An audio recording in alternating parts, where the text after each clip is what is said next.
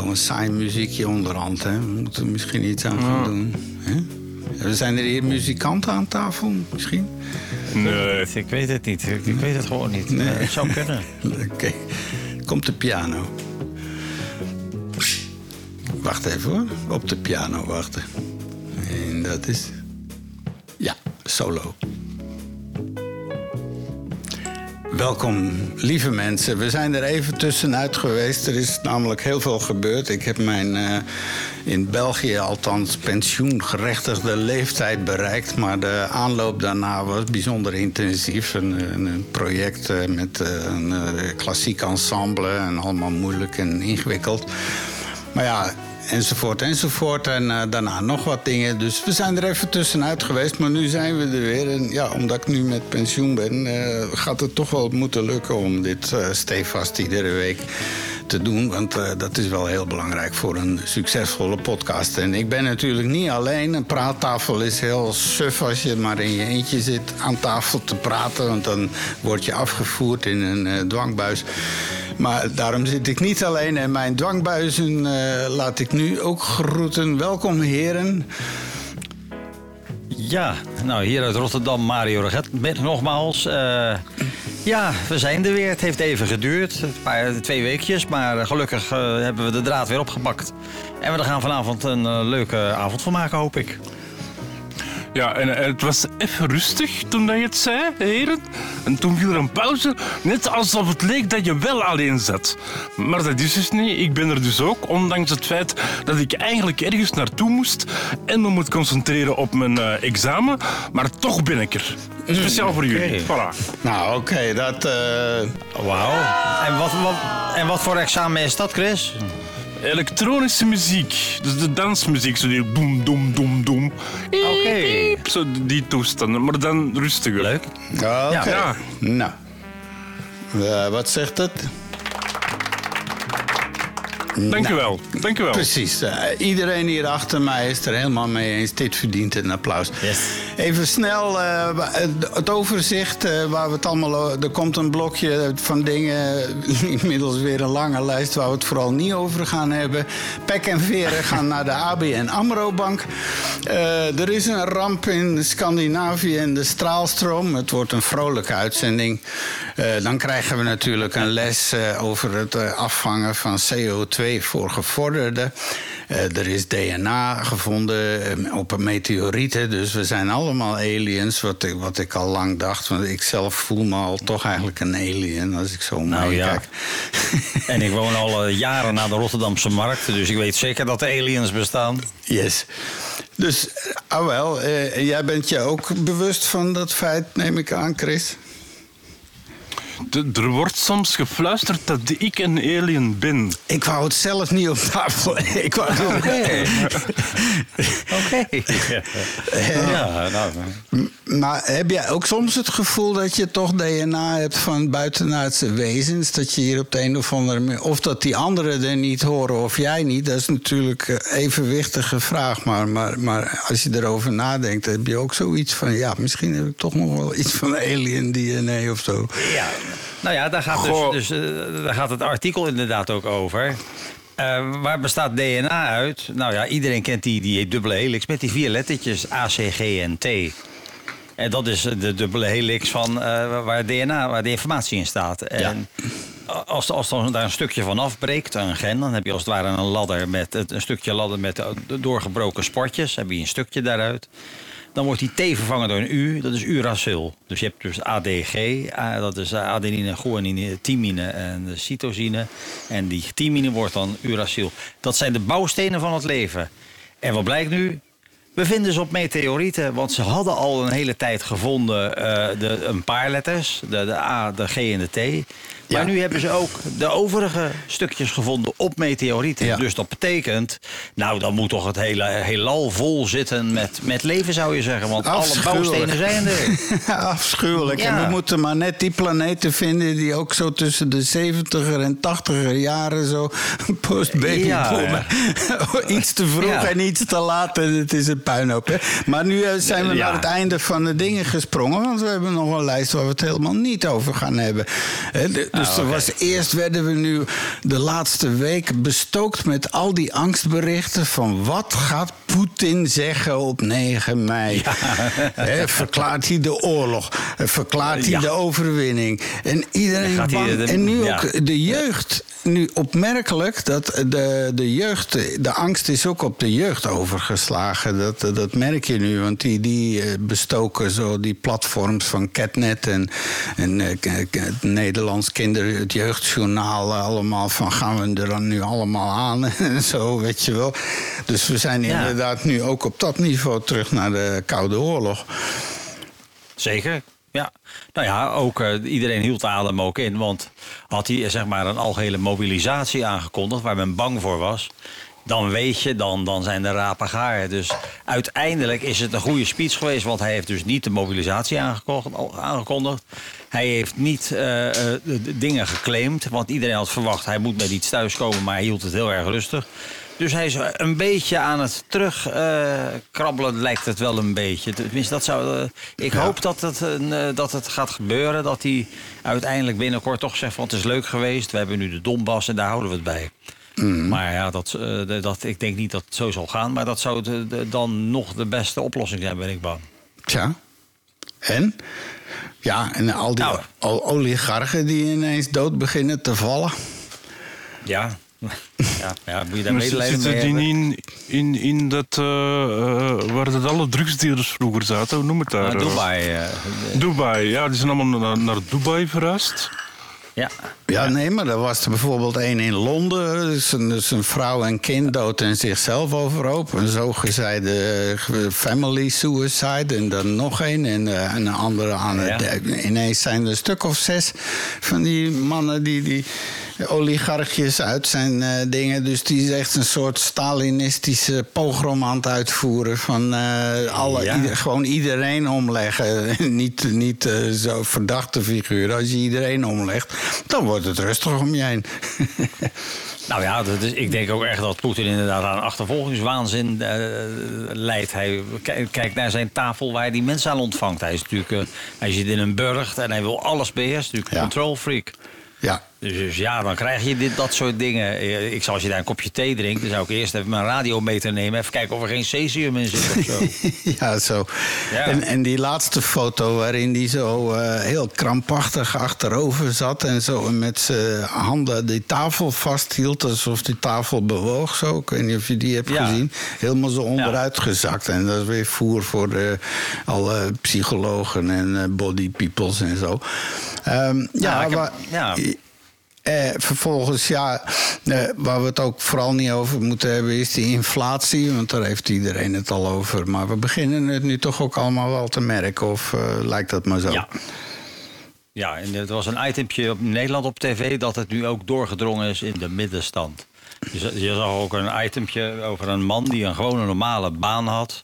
Eh, en de eindjes bijna niet meer aan elkaar kon knopen. Voor, en had gewoon een standaard één keer modaal. Maar hij moest gaan beknibbelen, want dus, eh, ja, de, eh, dus eh, klaarblijkelijk is het niet meer alleen mensen die iets minder hebben. Maar eigenlijk iedereen gaat het nu merken. Je merkt het ook aan niet alleen de prijs in de supermarkt, maar eigenlijk alles is duurder ja. aan het worden, werkelijk. Ja. Dat gaat van huurauto's op vakantieoorden tot eh, vliegtickets. En eh, alles draait vierkant. Al die luchthavens die krijgen geen mensen om die koffers naar binnen. Want er zijn heel veel mensen die er uitgestapt zijn met de corona. En eigenlijk zei je dit fucking nooit meer. Want dat is toch geen werk meer. hè. Dat is ontiegelijk Nee. zwaar werk. Die, eh, Ja. Dat ze daar nog niks Ja. op gevonden hebben met die vliegtuigen. hè. Maar dat moet Nou, toch echt allemaal met de hand. Moet dat, eh, hè? Nou, in Nederland zijn die, eh, die handlers eh, aan het staken geweest. Hè? Toen, heeft, toen had je echt een, een, een vlieginfarct. heel Schiphol lag plat. Duizenden mensen. En klaarblijkelijk vindt iedereen het nodig. Het kan weer. Dus we moeten met z'n allen wel en wel nu naar Benidorm gaan. Of naar eh, weet ik veel waar. Naar zo'n zo'n zonovergrote zwembadvakantietoestandje. Eh, en ja, en dat is... eh, ja, dus dat pakte heel erg raar uit. Dus Ja. kwam een beetje wanhopig over. De, de, de Schiphol heeft en, en de KLM die hebben excuses aangeboden. en Weet ik het allemaal. Maar ja, het, is, eh, ja, het mag weer. Dus iedereen moet nu weg, klaarblijkelijk. Hmm. Hij- je het kan- is ook grappig eh, eh, dat je zegt dat ze daar nog niets op gevonden hebben. Ondanks het feit dat uw G-Gent ehm, vandaag een zelfreizende elektrische racewagen hebben voorgesteld. Nu, ik zie het nut daar niet echt van in, van een zelfrijdende elektrische racewagen. Want ik denk dat een, eh, de fun on the sport toch wel het feit is dat je rijdt met die auto en dat die niet zelf rijdt. Nou ja, het kan misschien heel leuk zijn dat je in zo'n ding zit en dat je, dat je zwaait terwijl je je wijnglas in je hand hebt naar Max Verstappen, die als een wezenloos aan het rijden is. Ah ja. En Facebook ondertussen. Ja. Ja, maar dan, eh, dat is leuk om daar even op in te haken. Dus de volgorde die we hadden een beetje gemaakt ligt nu helemaal overhoop, luisteraars. Maar hey, daar krijg je aan een praattafel. eh, dat is ook de bedoeling Ja, van een praattafel. Hè. Op café zit er ook niet een of andere regisseur. Ja, en nu naar het volgende onderwerp enzovoort. Maar eh, om even in te haken op die zelfrijdende... eh, dat is dus een studentenproject. Hè. Die, die, die bouwen dus een, een studentenwagen. En de bedoeling is dat die, die doen mee aan een wedstrijd... met allemaal inderdaad zelfrijdende raceauto's. En je hebt die, Ah, je hebt die andere wedstrijd waarmee ze dan door Australië rijden. Die Ja, de Solar Challenge. ja, dat gaat om endurance, om, om, om lang te rijden. En de- deze auto's die zijn gebouwd om vooral heel snel op te trekken. Dus echt om te racen. En, eh, maar eh, dan komt inderdaad dat eh, punt van die eh, artificial intelligence en zelfrijdende auto's. En daar heeft Chris een boeiende link over gevonden, een artikel. En toen ben ik gaan zoeken op de site en dan kwam ik bij de VRT verder kijkend over dat onderwerp. Een professor tegen uit Gent, die hier dus mee bezig is. En die stelt een paar hele interessante dingen. Laten we eens eens één stukje luisteren. En wat ik een heel interessante vraag vind, is eigenlijk... als het gaat over die zelfrijdende wagens, dan gaan we precies op zoek naar perfectie. Maar als het dan over stommiteiten van mensen gaat, dan zijn we heel, heel vergeeflijk. Nee? Oké. Ja, want wa- wat ga je krijgen als, als, er een, eh, als je bijvoorbeeld omgereden wordt door een zogenaamd zelfrijdende auto? Hè? Dan, ja, stel dat je Denk aan dan. Tesla, ja. Ja, dan, eh, normaal sta je op misschien en dan eh, ga je roepen naar de bestuurder. Maar als het een zelfrijdende auto is, ga je dan roepen tegen die computer en die camera's. zo, weet je wel? Ja, ja, je kan tegen die auto aan je heen gaan schoppen en zo, wat je wel eens ziet. Eh, Ja, dat is lastig. Dat, dat gaat Trouwens, vandaag was het op het nieuws eh, dat elektrische wagens ehm, meer gewonden heeft in zijn eh, ongelukken dan andere wagens. Dus een, een, een gewone wagen zou acht gewonden hebben op tien of op 20 zelfs, ehm, als er een eh, ongeluk is. En, en de elektrische wagen praktisch 20. Eh, nee, dat is procent, dat is op 100, sorry. Ja, Ja. zeg. Ongeveer. Dus op eh, 20% op 100, eh, terwijl dat, eh, een gewone wagen 7% op 100 gewonden heeft eh, tijdens een Ja, dat is wel een bi- bizarre constatering dan. Ja, en ze zijn nu aan het onderzoeken hoe dat, dat komt. Ze weten niet, ligt het aan de auto of is het de bestuurder? Ja. Omdat ja. eh, ze had- een van de vrouwen had gezegd, ja, je, je hoort de auto niet. Dus je, je hoort ook niet dat de motor sneller rijdt. Hij start veel sneller en, en je hebt dat gevoel niet. Dat zou een van de redenen kunnen zijn. Dat is ook zo. Elektrisch rijden is heerlijk. Ik, ik weet het zelf, ik rij een Prius, dus hybride. Maar, maar vooral als je weggaat bij een stoplicht, je bent altijd, altijd gewoon de behalve als er nog een.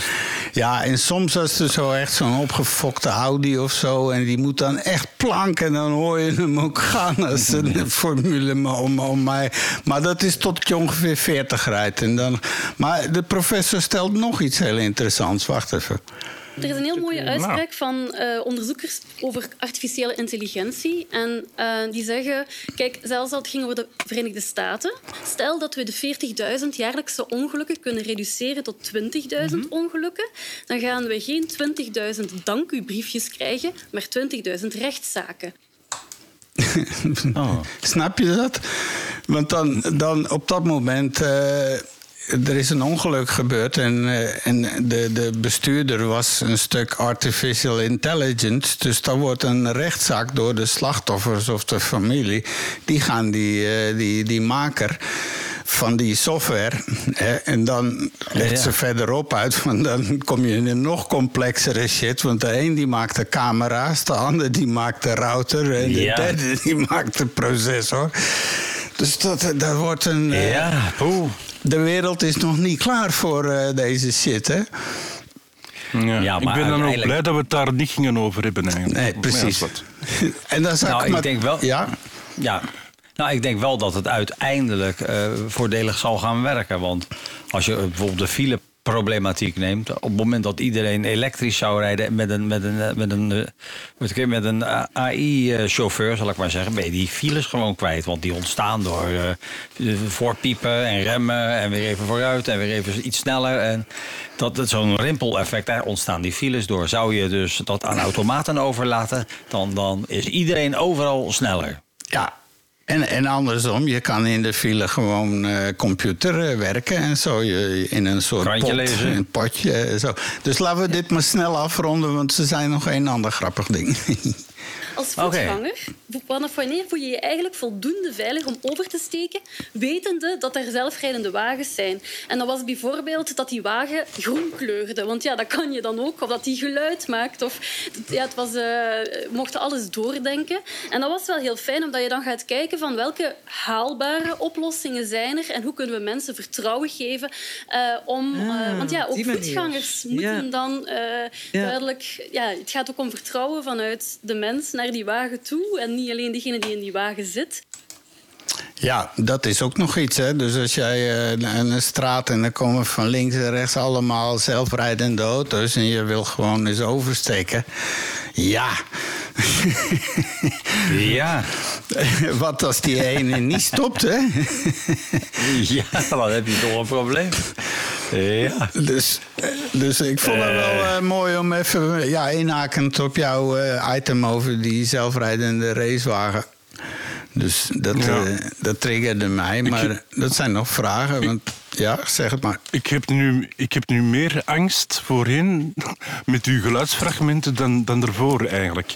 En, en de reden waarom is, ik ben ooit naar een tv-opname geweest en dan moest je, dat was toen nog met corona of net daarna, eh, je laten scannen voor te zien of dat je geen ziekte had. Hè? De, de koorts, eh, warmte en zo. En die scanner die herkende mij niet. Er zijn tien mensen nog na mij gekomen, dat werkte allemaal. En als het aan mij was, gaf die niets. Dus als ik niet opgemerkt word door een artificiële intelligentie, heb ik wel heel veel problemen binnenkort, blijkbaar. Ja, zeker. Ja, maar jij bent van de Ja. radar, letterlijk. Dus onder de radar. Onder de radar, Ja. onzichtbaar. Misschien moet Stealth. ik een bank overvallen of zo, als ik dan toch niet opgemerkt word. Maar aan Ja, de andere kant ben je ja. ook wel misschien een wandelend eh, medisch unicum... eh, waar, waar mensen Nobelprijzen over gaan verdienen. En, en, eh, hè? en dat jouw weefsel... Onwaarschijnlijk wel, ja. Daar geloof ik ook wel in. Oké dan. Ja. Eh, oh wel, eh, ik denk dat we... De, en, oh ja, waar we, oh, nou, en, en dan nu, nu natuurlijk, beste mensen... we zitten in de dag tussen de eerste en de tweede halve finale van wat? Van de... Pa, pa, pa, Songfestival. pa, pa, pa. de Eurovision eh, Song Contest. Ja. De werelds Ja, grootste... Ja, Altijd spannend om te weten wie zou er nu winnen, wie zou er nu winnen. Nu blijkt dat voor dit jaar het eigenlijk al een beetje bekend is wie dat Ja. er gaat winnen. Ja, En je mag drie keer raaien, maar ik zal het al zeggen, Oekraïne. juist. Dat- nou, met, met een, melodietje die, een melodietje die gezongen wordt, die bestaat harmonisch en melodisch gezien uit zes tonen die ze blijven herhalen. En een soort neusfluit, of wat is het? ja, ja. een- Dus ik vind dat wel heel bijzonder. Ja, nou ja, Ja. maar, nou, s- schrijf maar eens iets onder oorlogstoestanden. Hè? Die paar keer dat je even stroom hebt. Dus hij dacht gewoon... eh, Een hele snelle rem, we hebben maar één minuut stroom. En dat geldt ook voor de muziek. Ja, en ze konden niet verder komen dan het eerste couplet, want dan viel er weer een bom. Dus ze herhalen gewoon het eerste couplet, gewoon het liedje door. Ja, ja, precies. Dus dit is absoluut niet grappig, luisteraars. Ja. Maar als je dan ja, maar- kijkt naar een land, een land dat wel tijd inneemt, nu Noorwegen, die me dat een liedje dat noemt Geef de wolf een banaan. Oké, nou, daar dat? kan ik wel mee. Ja. Ja, Geef de wolf een baan. Probeer een vega te krijgen dus, eigenlijk. Ja, ik waarom moet wel, niet? Ja. De hele tekst is eigenlijk... voordat de wolf grootmoeder op eet, geef hem een banaan. Oké. Nou, ja, ja als, als, uh, als uh, absurdist vind ik, weet ik dat zeer te waarderen, zal ik maar zeggen. Dat komt ja, ik, ik, moet eerlijk toegeven, de, ik eigenlijk ook wel, want ik was vandaag bezig aan een liedje en dat noemt Is deze muziek niet te vrolijk voor een droevig lied? Oké. Dus op zich, ja, de, grappige teksten ben ik helemaal uh, mee eens. Maar voor een ja. songfestival ja. Maar dat komt een beetje in de buurt van dat Belgische nummer van Rendezvous.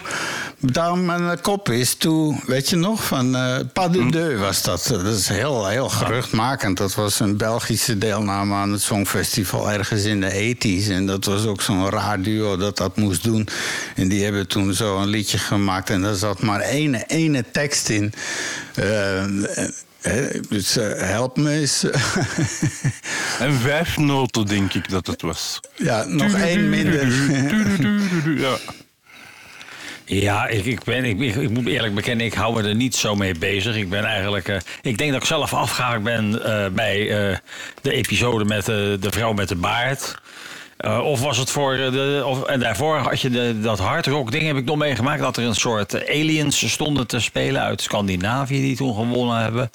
Maar het, het, het is zo divers dat het gewoon ook uh, daardoor arbitrair wordt wie er wint. Want het heeft eigenlijk niks meer te maken met met de muziekinhoudelijkheid dan wel de presentatie. En, het is een kijkspel geworden. Het is puur een ja. kijkspektakel van wat, wat doet die nou weer en zo. Hier is nog een klein stukje trouwens van... Uh,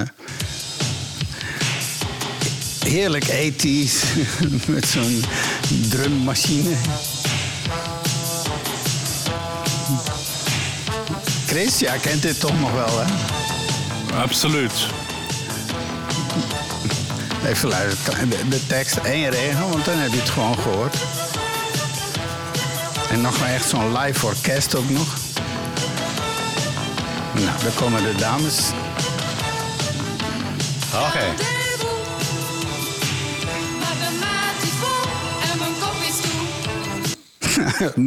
rendezvous. En dat is het. Maar de maat is vol en mijn kop is toe. En dan wordt dus eigenlijk drie minuten herhaald met hetzelfde riffje enzovoort. Ja. Zeer vooruitstrevend, okay. sommigen. Minimalisme natuurlijk, dat kan. Ja, ja Zo, daar is ik voor. ja.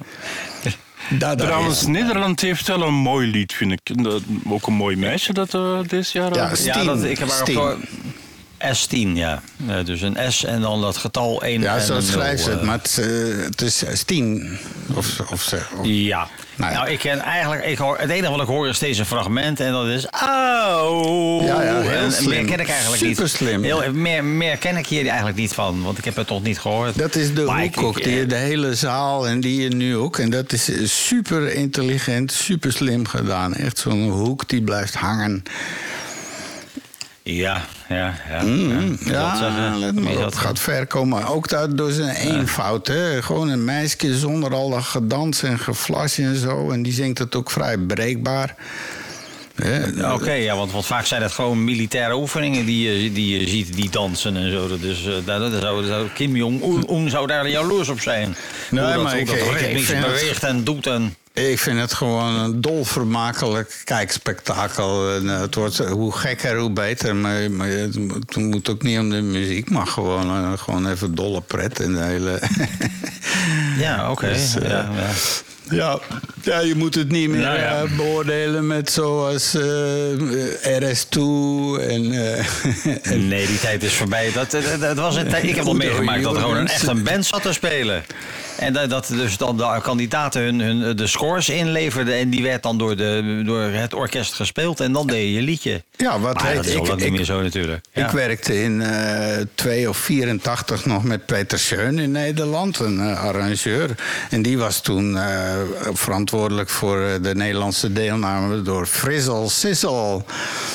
Jazeker. Oh, ja. En, uh, en dat was precies hetzelfde. Dus er was een demo gemaakt. En die moest dan ook uh, omgezet worden naar een score. Want uh, ja, in die tijd werden alle liedjes nog live in, gespeeld door dat orkest wat er zat. Hè. Dat ja. werd gaandeweg steeds meer. Ja, alles heeft een ritme, dat was het liedje. Oh ja, ja, ja. En daar Ja. heb ik ook nog aan gewerkt. eh, en ik heb heel de compositie en eh, alles, alles meegemaakt van eh, de, het maken ervan tot, tot, we, dat, oh, tot we dus naar. hij moest naar Noorwegen of Oslo was de finale. En dat was nog in die tijd, ja. Dus Ja, nou ja, leuk. Ja. dat was hard Maar ja, het is een, de- Maar het werd gaandeweg eh, onmogelijk natuurlijk door de meer en meer elektronica. Hier zijn ze hoor. Zeven uur, je moet je bed uitkomen. Je moeder staat te schreeuwen op de gang. Ze Ja, ja. lang. ach, ach. Ja, Eurovisie en dat was eh, 1986. Ja, shit man, wat gaat dat Ach, ach, allemaal? ach. Is verschieten tijd dat de gebleven? mensen niet kijken.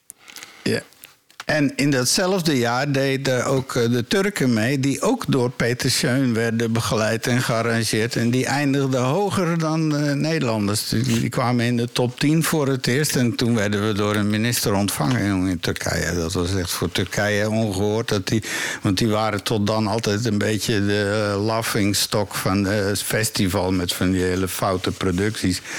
En nu ineens hadden wij een eh, liedje geproduceerd... eh, eh, die dan ineens eh, dat hartstikke goed deed. Dat was best tof. dat was wel een boeiende Ja. periode, vond ik. Maar het gekke is, als je, ik kijk er nu ook heel raar naartoe... maar toch, als je daarin zit en je hebt ermee te maken... dan word je gewoon meegenomen in die vortex van die opwinding. En weet je wel, en, daar is gewoon, dat maakt Ja. zich een soort massa formation, noemen ze dat. Maakt zich, neemt het over van je. Dus, maar heb je dat ook niet als je, als je de lotto invult elke week? Een beetje Dat je denkt, hoop ik ga winnen, ik ga winnen. Maar gelukkig gaan Ja. we het daar niet over hebben. Nee. Eh, want trouwens, ik kijk niet meer naar het Songfestival sinds ABBA, denk ik. Zoiets ongeveer. Oh, oké. Ja, ik, eh, ja. Goh. Dus- Nou ja, ik, ik heb wel, eh, toen ik, toen ik nog, nog eh, muziek maakte voor mijn brood, heb ik wel die Johnny Logan eh, begeleid. Dat was ook een winnaar, die, eh, Ja, twee, ja. die heeft, al- had zelfs twee keer gewonnen. Ja, ja. Eh, en eh, dat was wel heel grappig, want eh, hij gaat dan Europa door en dan heeft hij zijn broer bij zich, dat is een gitarist. En in ieder land wordt dan via het theaterbureau wordt er een band geregeld. En dan repeteer je zeg maar met zijn broer. dan heb je een soort generale. En een uur later of twee uur later, als de zaal open gaat, kan je dan spelen. Dat, dat deed hij best wel slim, aardige vent ook trouwens. Maar dat is de enige link die ik met het Songfestival heb. Verder is het van ver van mijn bedshow. Oké. Nou, ik ga er gezellig naar kijken, maar ik sla morgen over. Want ja, dan zie je de winnaars allemaal zaterdag nog een keer. Maar zaterdag is een, eh, de finale avond. Ja, dat is gewoon traditioneel. Een soort avond met popcorn en iedereen op de grond. En gezellig en mee. En, en wat wel geniaal is, als je de BBC hebt, om op de BBC te kijken. Want je commentator daar, die, die is te grappig voor woorden. Eh, Ik ben zijn naam even kwijt, maar hij heeft ook zo'n eh, Hij is enorm grappig, die gast.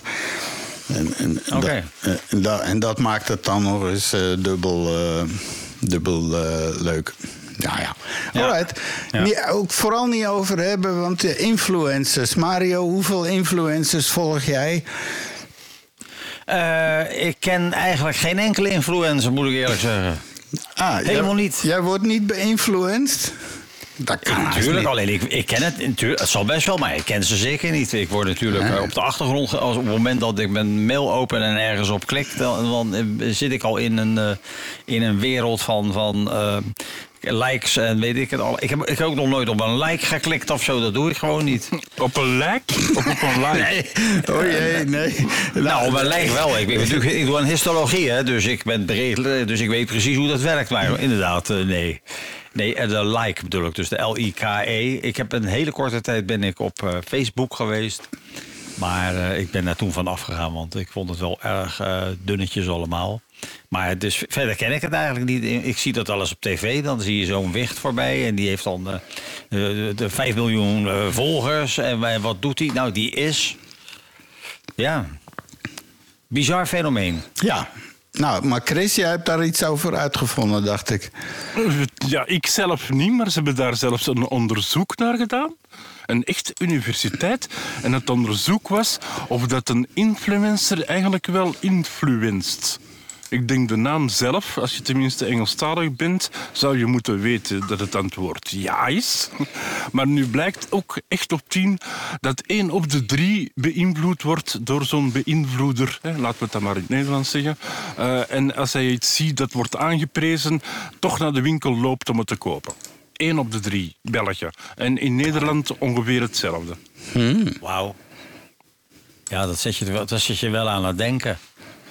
Ja, ik, vind het, ik vond het al zo'n raar concept dat, dat, dat sommige mensen met eigenlijk twee keer niks gewoon eh, prima in hun eigen eh, levensonderhoud kunnen voorzien door, door gewoon te zijn en hun leven te delen op het internet. Ja, Dus en het wel van al, Ja? Het ergste van al, ook op hetzelfde nieuws vandaag, want het was een drukke dag blijkbaar. Er zijn tegenwoordig ook dogfluencers. En dat zijn mensen met een leuke hond. Dus, eh, eh, nee, er was een vrouw en die haar hond had een Instagram-kanaal, die had Facebook en die schreef elke maand, zal het zijn denk ik, een artikel in Woef, het hondendagblad. Oh, kijk eens aan. Ja, nou ja, ik weet wel, eh, over influence, ik weet wel dat er is eh, iemand die heeft ooit eens een kat gehad met een zaggerijnige uitstraling. Kwam op het internet terecht als zijn de Grumpy Cat met een hele hoop foto's. En die mevrouw, die, heeft gewoon, die is gewoon binnengelopen met haar kat. Want die had een krankzinnige... Nou, als je het intikt, dan ga je hem ongetwijfeld vinden. Er zijn er posters van gemaakt en daar zijn aanzichtkaarten en weet ik het allemaal. Dus dat is echt een verdienmodel geworden. En zij heeft daar gewoon... eh, eh, eh, is daar redelijk wel gesteld van geraakt. Met een kat, die dus gewoon zagrijnig... Kijk, ik denk dat het gewoon een genetische afwijking is. Maar ja, dat kan dus klaarblijkelijk. En als je zo'n kat hebt, is het niet dat je huisdier een beetje lijkt op jezelf? Is dat zo geen trend, dat je iets zoekt dat... Eh, ja, dat, dat zegt men. Maar ja, dat, dat, weet ik niet. Ja, ik bedoel, eh, het zou kunnen. Ze zeggen het Je inderdaad. geen Ik- poster van het baasje gezien waarschijnlijk. nee, nee, nee, nee dat, eh, dat niet. Maar dat zou kunnen. Ik bedoel, ja, soms lijken dieren inderdaad een beetje op hun baas. Ik wil het niet gelijk over Ankie van Grunsven hebben in Nederland, maar het kan. Eh, dat is gewoon zo. Ja, ja. Ja. Hey, eh, het is eh, tijd voor een. eh, Dit is de Praattafel Podcast. voor een slimme overgang. Eh, want eh, dat was een omineuze jingle. En een omineuze jingle betekent dat we overgaan naar een eh, stukje pek en veren. Maar die jingle die is ook nog in de maak, al ongeveer drie maanden. Maar er wordt aan gewerkt in ieder geval. Er wordt aan gewerkt. Dus jingle, jingle, pek en veren, pek en veren. Oké, Mario had er een gevonden. Het is, oh, die, Belgen, die, die bank is trouwens hier ook in België actief. Ik weet niet, heb jij daar een rekening, Chris, bij de ABN AMRO? Heb ik een rekening, is het van dat je dat vraagt? Heb ik wel gewoon een rekening ergens? Ja, wie ik heb niet? toevallig één. Maar niet bij de Om- ABN. Omdat het een beetje eh, verplicht is? Nee, nee niet bij de ABN. Ik ben bij een bank die al tien keer van naam veranderd is. eh. Ja. Hoe zit dat, Mario, met die ABN AMRO? Nou, ik was van de week bij mijn zus en mijn zwager. En mijn zwager die eh, was 70 geworden en die heeft een brief gekregen van de ABN AMRO. Ja, eigenlijk vind ik dat heel raar. Ik bedoel, eh, als je 70 jaar bent, dan heb je... eh, Vroeger was je hoogbejaard als je 70 was. Eh, je mocht in je handen knijpen als je 70 was. Het pensioen begon met 65. Dat is in Nederland door de oude, de oude Willem Drees ingesteld. Zodat mensen het laatste jaar dat ze dan nog statistisch leefden... want ze werden toen 66 jaar, dat ze dan een inkomen hadden. Dus toen was 65 jaar al oud. Maar nu... Je, je hebt 80-jarigen die de, die de, die de, eh, je hebt 80-jarigen die de Everest beklimmen. Je hebt allerlei, eh ga naar een, eh, een, een 70-plus beurs. Dan, dan breek je je nek over de sportiviteit en dan weet ik het allemaal. Maar hij krijgt een brief van de bank. En die gaat als volgt. Geachte heer Huppeldepup, u heeft bij onze private account met nummer... U kunt hiermee maandelijks... U kunt hiermee tot 2.500 rood staan op uw betaalrekening. Nou, so far so good. Op uw 70ste verjaardag gaan wij uw, limiet maandelijks verlagen... waardoor u minder rood kan staan. Op uw 80ste kunt u nog 1000 rood staan. Daarom verlagen wij uw limiet... Eh, elke maand met een bedrag van 12,50 euro. En zo gaat dat dus door. Dus klaarblijkelijk gaan ze ervan uit dat je seniel wordt en dat je niet meer te vertrouwen bent met het, eh, zeg maar, het, eh, met, je, met je bankzaken. En dat je dan zomaar de bank zou kunnen benadelen. Hè? Ik vind dat te zot, te zot voor woorden. Nou ja, zeg. Eh, ja, en, en eh, je begrijpt, ik vond dat toch best wel iets waarvan ik zeg van... dit is toch wel heel erg betuttelend. Ik begrijp hier ook helemaal niks van. Het zou voor mij, ik zit niet bij de ABN AMRO, bij zoiets. Zou voor mij een reden zijn om te zeggen van... nou, dan ga ik wel lekker naar een andere bank. Dat zou dus hier eens in België moeten flikken, denk ik, Chris. Goh, ehm, het is zo dat sommige mensen gewoon niet in het rood kunnen. Die, die zijn gewoon geblokkeerd. Dus wat dat Ja. betreft zijn we niet veel beter. Maar had ik het nu goed verstaan, 12,50 euro dat er En ja, van dus, de dus duizend dat- dat eraf gaat? Er staat op uw 80ste kunt u nog 1000 euro rood staan. En het was dus 2500. En dan vanaf 9 juli 2022 elke maand met een bedrag van 12,50 euro. Dat dit bedrag is 120ste deel van de oorspronkelijke limiet van 2500. En de limiet over 10 jaar. Zo heeft u over 10 jaar een limiet van 1000 euro. Dus iedere maand Dit gaat is- er gewoon 12,50 af, af van wat je in rood mag staan. Totdat je eigenlijk nog maar 1000 euro rood kan staan. Dit klinkt als een, een bedenksel uit zo'n onderkamer achterhoek van al die honderden gasten die maar dingen zitten te bedenken hoe ze ergens ook maar iets kunnen besparen op de een of andere lange manier. Juist. En ze rekenen er waarschijnlijk op dat je er waarschijnlijk niet meer eens zult halen, die 80. Dat hopen ze dan misschien. Uiteraard. Hè? Ja, en, en ja. dit zijn van die enorm vreemde kronkels. Maar, eh, maar ik heb zo het gevoel dat de privacywetgeving hier... als iemand hier zo'n als een Vlaming zo... ik zal dat eens vragen aan mijn vrouw. Ik denk dat die ontploft. Ja, is dat is gewoon puur onrecht. En eh, wat dat betreft zijn ze hier... eh, ja... Goh. Ja, dus het is echt heel raar, vond ik dit. Ik denk van, dat, zie ik dat nou goed? Is dat, Dat serieus? is- Maar dat is dus echt zo. Ik zal die brief wel doorsturen. want Hey, heb staat jouw VPN nog aan misschien, Mario? Eh, hoezo val ik weg of zo? Het brokkelt een beetje. Of, Oh, wacht even. Eh, Heb ik dat ook? Oké, wacht even. Disconnect, oh, die stond nog aan. Het zou wel kunnen. Dan zou die nu wat beter moeten Oh zijn. man, Hoewel, dat klinkt ineens eh, zo fantastisch anders, jongen. Omdat Ik je nou niet meer via nu, de hè? Filipijnen gaat en zo. Ja, heel warm, eh, absoluut. Nee. Nee, maar inderdaad. Nee, maar die ABN AMRO-toestand, dat vind ik dus dat ik zeg van... dat is echt pek en veren. Toch? Ja. ja, dat vind ik wel. Daar moeten we een zaak van maken, doorsturen enzovoort. Maar ja, inderdaad, dat is typisch Nederlands ook. En, en- maar ja, wat kan je, kan je daar nu iets tegen doen? Of kan die, kan die verhuizen Nee. naar een andere bank of zo? Geen flauw idee. Ik denk het eigenlijk niet. Ik denk het eigenlijk niet. dat je Dus, gewoon eh, zegt, rot maar op met je, eh, met je bank en je rekening. Ik ga gewoon, eh, ik zoek het lekker zelf uit. eh, dat zou je moeten kunnen zeggen. Ja, eh, maar je kan natuurlijk gewoon eh, naar een andere bank gaan. Ja, Alleen dat doen natuurlijk een hoop mensen niet. ja dat en is is dat het. beter, is ook nog een vraag. Is dat beter als je overstapt? Ja, Misschien doen wordt ze het allemaal. Nou, ik, ik heb zelf, ik heb wel een, eh, ik, ik zit bij, ik heb twee banken en eh, de- dat is eh, ook, eh, je hebt bij ons de Triodos Bank en je hebt de ASN Bank en dat zijn de enige banken die eh, volledig groen zijn. Voor zover mogelijk natuurlijk, maar dan weet je zeker, eh, die doen in ieder geval behoorlijk wat moeite om, eh, om ook eh, eh, aan de natuur te denken enzovoort. Ja, enzovoort. en die doen het niet zo goed. Want eh, ik ben namens iemand bezig geweest. want die, ja, er was wat geld van een erfenis. En ja, tegenwoordig moet je dat beleggen. Dus dan gingen we kijken naar diverse banken. En die zei ook meteen: ja, trio, dat is groen, groen, groen. Nou, en dan ging je kijken. En, hun eigen aandelen doen het eigenlijk helemaal niet zo denderend. Dus wat dat betreft is, is gewoon de trio dus geen echt goede investering. En aan de andere kant Nee. eh, vrij beperkt in hun aanbod van eh, beleggingen Zeker. enzovoort. Dus, eh, Nou, dus, daarom, eh, ben ik nou, daarom is nu mijn hoofdbank de ASN geworden. En dat is een club waar ik wel in geloof. Je dat, de ASN? Nee, nee, hoe zou ik dat nou Nou, kennen, jong? Wij zijn Je bent nog buitenlanders. steeds een halve Nederlander, toch? Ja, maar ik woon daar. Dat is wel raar. Want ik zat ook met iemand van het UWV.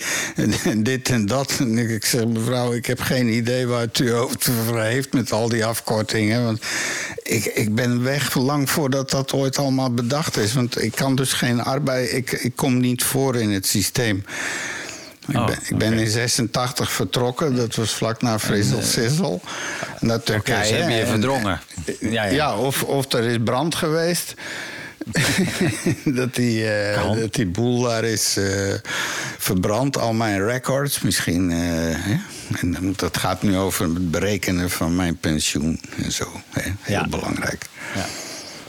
ja, nou ja, dat is best wel belangrijk, natuurlijk.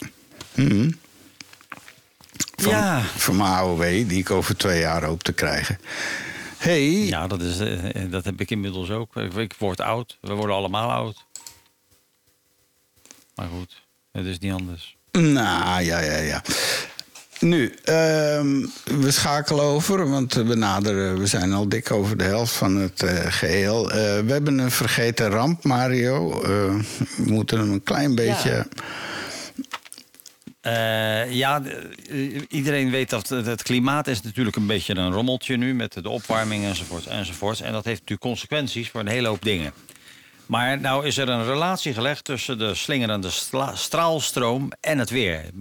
Er is dus op, boven, eh, op 15 kilometer hoogte, 12, 12 kilometer hoogte ongeveer, heb je die straalstroom. Ja, de jetstream. Maar, daar heeft ons, eh, eh, maar daaronder eh, vindt het weer plaats. Dus men heeft altijd gedacht dat er geen re- relatie was tussen die straalstroom en de weersystemen die op, vanaf 10 kilometer naar beneden gaan. Maar dat blijkt dus veel meer te zijn dan, dan, dan dat men eerder dacht. En wat is het? wat is, want het is dus eigenlijk een hele krachtige westenwind die eigenlijk over de hele wereld waait. En door de opwarming schuift dat ding naar de polen toe. Want het wordt als het ware een beetje weggedouwd richting de polen. En dat heeft nogal wat consequenties. Want het is nu, ze, hebben dat kunnen zien eh, door eh, boringen in, eh, in Groenland. IJsboringen, daar, daar kan je prachtig zien wat er jaarlijks aan, aan weer is geweest. Want dat kan je aan, de, de, neerslag zien van de mineralen die daarin zitten. En je ziet dus ook dat eh, die straalstroom, het- het- ze hebben 50 boorkernen hebben ze op, naast, naast elkaar gelegd. En zo hebben ze het weer kunnen beoordelen van de laatste 1250 jaar. En de essentie is dat het in Europa veel droger gaat worden. Sterker nog, eh, eh, dat gaat echt dramatisch worden. Maar het land met de meeste ellende is Scandinavië. Die gaan, eh, die gaan eh, als, het, als dus de eh, conclusies goed zijn, eh, gaat dat betekenen dat eh, Scandinavië eh, eigenlijk alleen maar regen heeft. En dan bedoel ik dus eh, eh, eigenlijk altijd bijna. Als het dus echt gaat zoals men denkt dat het gaat, als het op hol slaat en het loopt fout, is er alleen maar regen in Scandinavië. En dan Bergen, Bergen, de stad Bergen is sowieso al bekend als de stad met de meeste regen ter wereld. Dat is iets van 270 dagen grijs regen, rotweer daar in feite. En toch schijnt het Nou heel ziet te zijn. Ja, ze, ze gaan doen een, een estimate. Eh, in 2060 z- zal het vermoedelijk in Zuid-Europa zo droog zijn dat er geen landbouw meer mogelijk is. En in Scandinavië zou de neerslag zo sterk toenemen dat ingrijpende aanpassingen nodig zijn. Dus dan moet je gewoon eh, niet meer buiten komen. Dus Ah, ja. eh, ja, als, dat echt een, als dat echt zo is, dan is dat natuurlijk een, een vreselijk iets. Dan, eh, d- dat is erger Nou. dan dat men eigenlijk dacht. Nou ja, dan gaan we hier tussen- wandelen onder de palmbomen, Mario. Ja, en, eh, en een goede insmeren, hè? want anders loop je malaria op of, eh, de, of eh, de slaapziekte van de CC-vlieg misschien. Eh, een paar weken geleden was er op het nieuws eh, het, het heugelijke feit dat België het goed doet met wijn tegenwoordig. En ze lieten dan Oh ja. de wijnboer eh, aan het woord. En, en ja, eh, met de opwarming van de aarde eh, groeien de druiven eh, veel beter in deze streek van België. En dus van mij best nog wel een beetje opwarming komen, zei hij trots. Ach, weet hij veel. Ja, eh, Ze, gaan, eh, ze gaan inderdaad gewoon andere vruchten. Je leest nu al, al, maar het is over de hele wereld. gebeurt van alles met de koffie, met Ja. de dit en de, weet ik veel, de bananen. Alles schuift op, jongens. Dus, eh, En de hittegolven, daar- dat stond, was vandaag ook nog op het nieuws. Dat eh, de hittegolven, er is nu een hele duidelijke relatie tussen de extreme hittegolven en de klimaatopwarming. Vroeger kon je nog zeggen, ja, dat komt nou eenmaal e- eens in de zoveel tijd voor. Maar de aanwijzingen zijn nu zo sterk dat eigenlijk geen enkele wetenschapper er meer omheen kan. Het is echt de opwarming en die gaat zorgen voor heel veel hittegolven. En, dan, en serieus, want wat ik al zei. Eh, mijn, mijn collega eh, die, die geëmigreerd is naar, eh, naar Canada, in Kelowna. Dat is een uitloper van de Rocky Mountains daar. Dat is zeg maar het Florida van Canada. Die hebben, hadden dus met vorige zomer eh 50 graden Celsius. Er zitten al die bejaarden, die konden het huis niet uit. Die zaten alleen maar in de airco.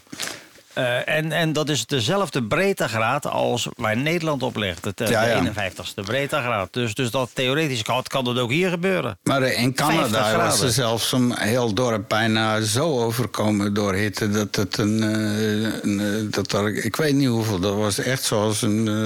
dat weet ik niet meer. Maar in Canada zelfs, dat was echt waanzin wat daar allemaal gebeurde. Nou, zeker. En dat is notabene, eh, je, je kan, eh, hij ging altijd prat op van... ja, in de zomer kan ik, als ik in de auto stap... binnen een, binnen een uur op mijn ski staan en ik kan lekker zwemmen. En, maar dat is dus dat, dat Florida van, van Canada is dus... toch, is het dus dan, ben ik bang, ook niet helemaal. Nee, nee, nee, helaas, helaas, helaas. Triest. Oké, hey, en dan eh, gingen we nog eh, kijken naar de aliens, waar we het even daarvoor al over gehad hebben. Ja. Maar eh, ik vind dat we het daar nu nog maar eens een keer over moeten hebben. Hoe, hoe, hoe zit dat? Wie, wie kwam daarmee aan met die aliens? Nou, je hebt een, een, het zijn Japanse onderzoekers en die hebben in een wetenschappelijk tijdschrift gepubliceerd, Nat- Nat- Nature Communi- Communications. Nou, al het leven op aarde, eh, van, van, van de schimmels tot van een schimmel tot een begonia en van, van, een, van een dier tot, tot, tot een bacterie, alles heeft DNA. Ja, dat weten we. En, en, en ja, en, eh, en dat bestaat eigenlijk, DNA bestaat eigenlijk, eh, het is, het is die, dat laddertje. En bestaat eigenlijk maar uit vier hele belangrijke moleculen: guanine, cytosine, thymine en adenine. En dan heb je ook nog uracil. Dat is een, die wordt dan uitgewisseld tegen thymine als het DNA, RNA wordt. Dat is een ander verhaal, maar goed. Ja. Maar dat, dat, eh, dat, zijn, dat is dus klaarblijkelijk. En dat is dus vermoedelijk, men vermoedt dat dat dus niet ontstaan is op aarde, maar dat dat met meteorieten is meegekomen. Eh, en ze, hebben dus, ze hadden dus al meteorieten gevonden met vier van die letters, maar nog niet de laatste twee letters. En dat is dus nu wel gebeurd. Dus nu zijn alle vijf nucleobasen, wat zijn nucleïnezuren, die de nucleobasen zijn op meteorieten te vinden geweest. Dus kan je stellen, nou als er dan hier eh, leven ontstaat, dan, dan moet dat ergens anders ook gebeurd zijn. Want we hebben natuurlijk ook, wat, wat ook zoiets is, men dacht altijd van, nou je moet toch wel water hebben, wil er leven ontstaan. En hoe zeldzaam is water, dat weten we helemaal niet. Maar nu we dus ons eigen zonnestelsel aan het bekijken zijn, vinden we overal water. Dus dan kan je, is, kan je ook de stelling hard maken dat dat dan ook waarschijnlijk is dat dat in, in het hele universum eh, zat is, eigenlijk. Dus dat vind ik best wel een hele inter- interessante eh, eh, conclusie. Dan, dan moet er gewoon leven zijn. En ik zou het ook helemaal te gek vinden als we in ons eigen zonnestelsel leven gaan vinden. Europa is een, dat is een maan van Saturnus, dat is een goede kanshebber. En zo zijn er een aantal die, die, die, eh, dat, waar dat zomaar zou kunnen zijn. Zou En dan, eh, dan, eh, maar ja, geen, eh, geen eh, in- intelligent in die zin, maar dat zou dan eventueel wat microbieel of eh, dat soort leven kunnen zijn. Maar, maar Ja. echt intelligent leven, ja, dat zou dan zich af moeten spelen ergens in de, op, op sterren. Maar ja, dat is lichtjaren weg. Dat is, want Dat stel- gaan wij nooit zien. Nee, want stel, we zenden nu eh, dus onze, onze televisiesignalen en FM-signalen. Want alle FM-radio, dat gaat zo recht eh, de zender uit. Eh, maar dat blijft recht doorgaan en dat verlaat op een gegeven moment de aarde. Daarom hebben ook eh, FM-radio's weinig bereik. Omdat ja, die AM weer kaatst, wordt weer kaatst door de dampkring. Ja. Ja, de, de, ionosfeer, hè? dus die weerkaatst dat. Dus dat gaat een heel eind verder mee. Maar niet met FM. Dus dat is ook een van de bewijzen die ze zeggen tegen van die flat earthers. van ja, dan zou je Ja. dus eh, in Washington eh, Radio Moskou moeten kunnen ontvangen. Maar dat gebeurt dus niet. Ja, maar ja. Die, die gaan dus de ruimte in, into space. En ja, eh, vier lichtjaar. Dus dat zou dan nu. Die gaan met de lichtsnelheid. dus dat zou ongeveer nu Dat toch wel bij- is 300.000 kilometer per seconde. Ja. Per seconde, dus 300, en dat vier, vier jaar lang. Omdat onze dichtstbijzijnde ster, de naam zegt het al, is Proxima Centauri. Ja. En die is maar vier en, eh, vier en een kwart eh, lichtjaar weg of zo. Ja, dus die zitten nu al ongeveer 50 jaar mee te kijken naar Lucille Ball, naar Bonanza, naar Manning. Nou dat, nou, dat denk ik niet, want, want eh, dat is zo'n vreselijk eind weg. En hoe snel gaat het? Het gaat natuurlijk niet dat radiosignaal met de snelheid van het licht. Ja, dat duurt Dat vier dus niet- jaar, ja, vier lichtjaar. dus daarom, dus dat, is vier jaar dat die lui, dat, dat, dat gaat, dat, zo lang, die signalen gaan inderdaad met de snelheid van het licht. Ja, maar dan nog. eh, Ja, maar 4,5. Ja, oké. dat zou ik heel bijzonder vinden. Dat, dus je zegt dat het radiosignaal met de snelheid van het licht. eh, ja. Normaal wel, ja. Dus, dus eh, een, een, een elektromagnetisch signaal, tenzij ik er helemaal naast zit hoor. Maar, maar ja, ook, nee, eh, tuurlijk. Ja. Eh, Dus dat, is, ehm, want ook met, nu met onze satellieten en zo, er zit dan die seconde vertraging op het journaal ook en zo. Want ja. Die dingen. Maar ja, hoe je het ook bent of keert, het, het zou toch wel leuk zijn. Kijk, echt contact, eh, dat is niet, niet goed eh, te doen, denk ik. Eh, maar wat wel zou kunnen, is, is, het, is een, een stuk ruimteschroot of zo. Dat, dat zou toch wel leuk zijn als dat door een krankzinnige oh, een samenloop van omstandigheden zou aanspoelen ergens op aarde. Ja. En wat ik zeg, in ons eigen zonnestelsel is het niet echt, is het toch, zou, je het, zou het zomaar kunnen zijn dat er inderdaad leven is. Als je bedenkt eh, hoe het leven hier is op staan op aarde, eh, dat begint eigenlijk met, met die smokers op de bodem van de zee. Daar, heb je geen, daar wordt geen fotosynthese gedaan. Dat zijn echt bacteriën die ontstaan zijn en die leven van zwavel.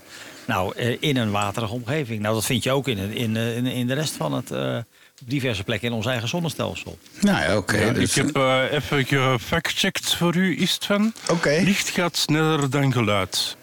Eh, de lichtsnelheid is ongeveer 300.000 kilometer per seconde. Per seconde. Ja. ja.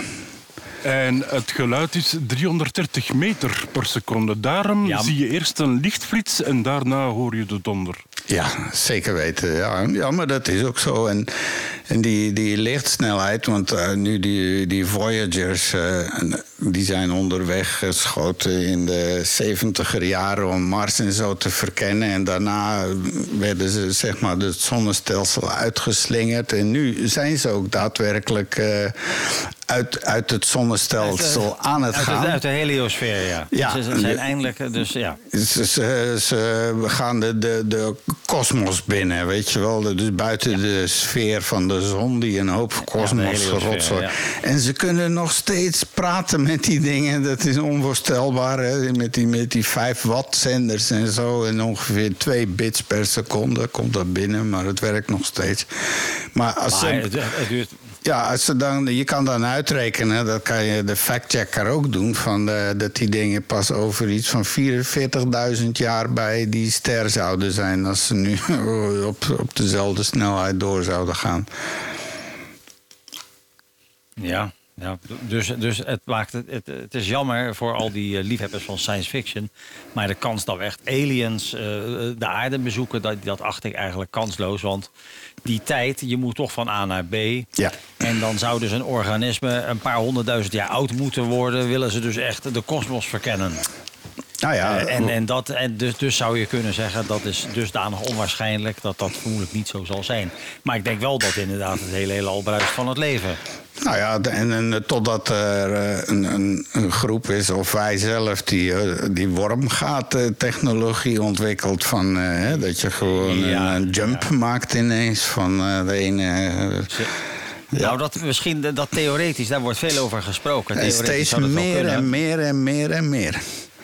Alleen het probleem is, eh, als je dat gat ingaat, dan heb je een verschijnsel. Dat noemen ze de spaghettification. Dat houdt dus in, alles wat, je, wat, wat opgeslokt wordt, wordt met een dusdanige kracht naar binnen geslokt... dat het uiteindelijk een, een, een, een sliert wordt eh, van een paar atomen dicht. Dus, de kans, dus dan moet je aan het einde, als je uit de andere kant eruit zou komen... als dat zo zou zijn, ja, dan, dan, dan ben je nog steeds een, een, een, een- bord spaghetti, zou ik maar zeggen.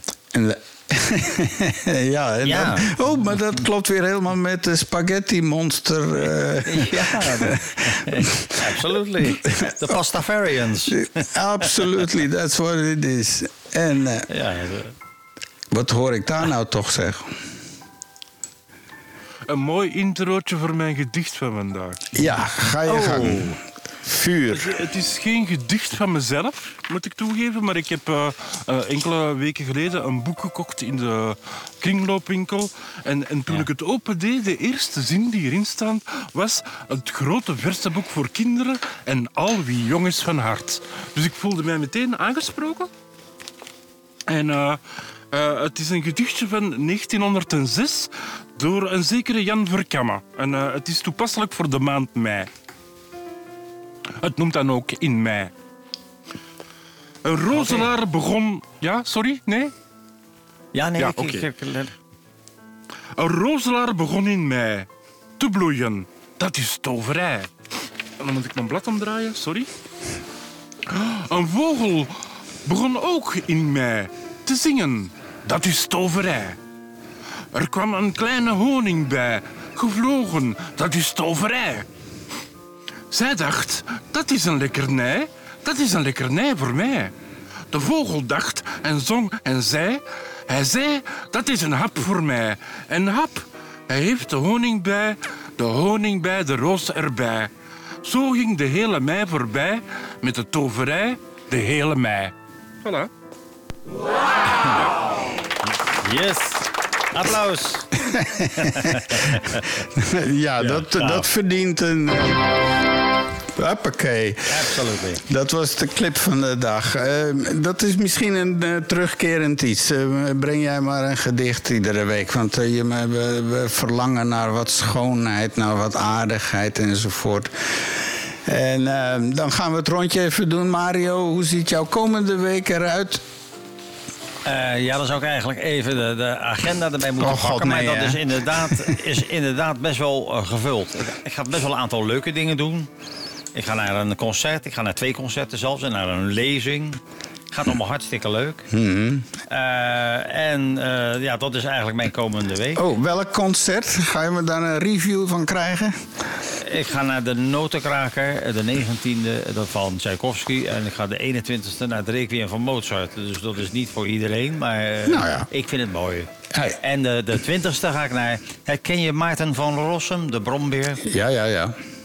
Nou, die geeft een lezing in de Stadsgehoorzaal. Dat is een hele grappige man ook, dus daar ga ik heen. Dat vind ik wel leuk.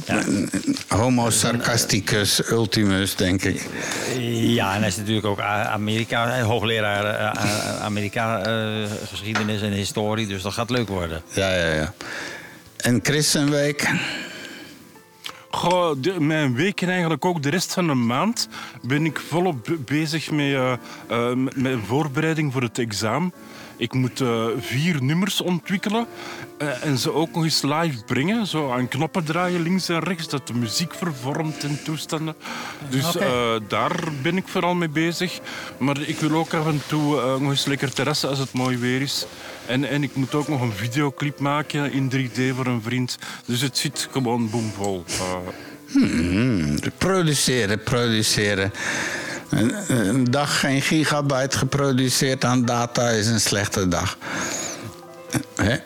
Tegenwoordig. Ja. en ik wil eh, afstuderen met, eh, eh, hoe noem het daar, ridderorde? Nee, nee, niet. Geen. Cum laude. Een grote onderscheiding. Ja. Ja, cum laude. Ik weet niet of dat, dat kan in het eerste jaar, maar ik ga het toch proberen. Ja, ja. ja in, in Ja, Nederland nou, ken je dat niet. Dan is het cum laude. Maar hier is het met, met grote onderscheiding en met hoogste onderscheiding. Ah ja. Dus dat Ja. zijn allemaal eh, mooie eh, Nederlandse namen, zeg maar zo. Nou jongens, Ja. Het is bijna was gedaan met de zaak. Het is nog Yes. een eh, aantal seconden voordat iemand anders weer eh, uw oor overneemt. In elk geval bedankt voor het luisteren. De Praattafel podcast vind je op het internet door te zoeken naar de Praattafel podcast. Oh, Zowel op Facebook als alles, eh, en Instagram zelfs nu en, enzovoort. Van mij de groeten en tot ziens. Ja, en eh, namens mij in Rotterdam, Mario in Rotterdam, eh, hopelijk tot volgende week. En eh, ja, prima. Fijne avond. Ja, en, en van uw favoriete Chris, die achter de hoek woont van Istvan... ehm ja, ook tot volgende week, als, als ze niet beslissen van ineens een paar weken niks te doen of zo. ehm. dus, eh, maar bedankt nu alvast voor het luisteren. Dit is de Podcast.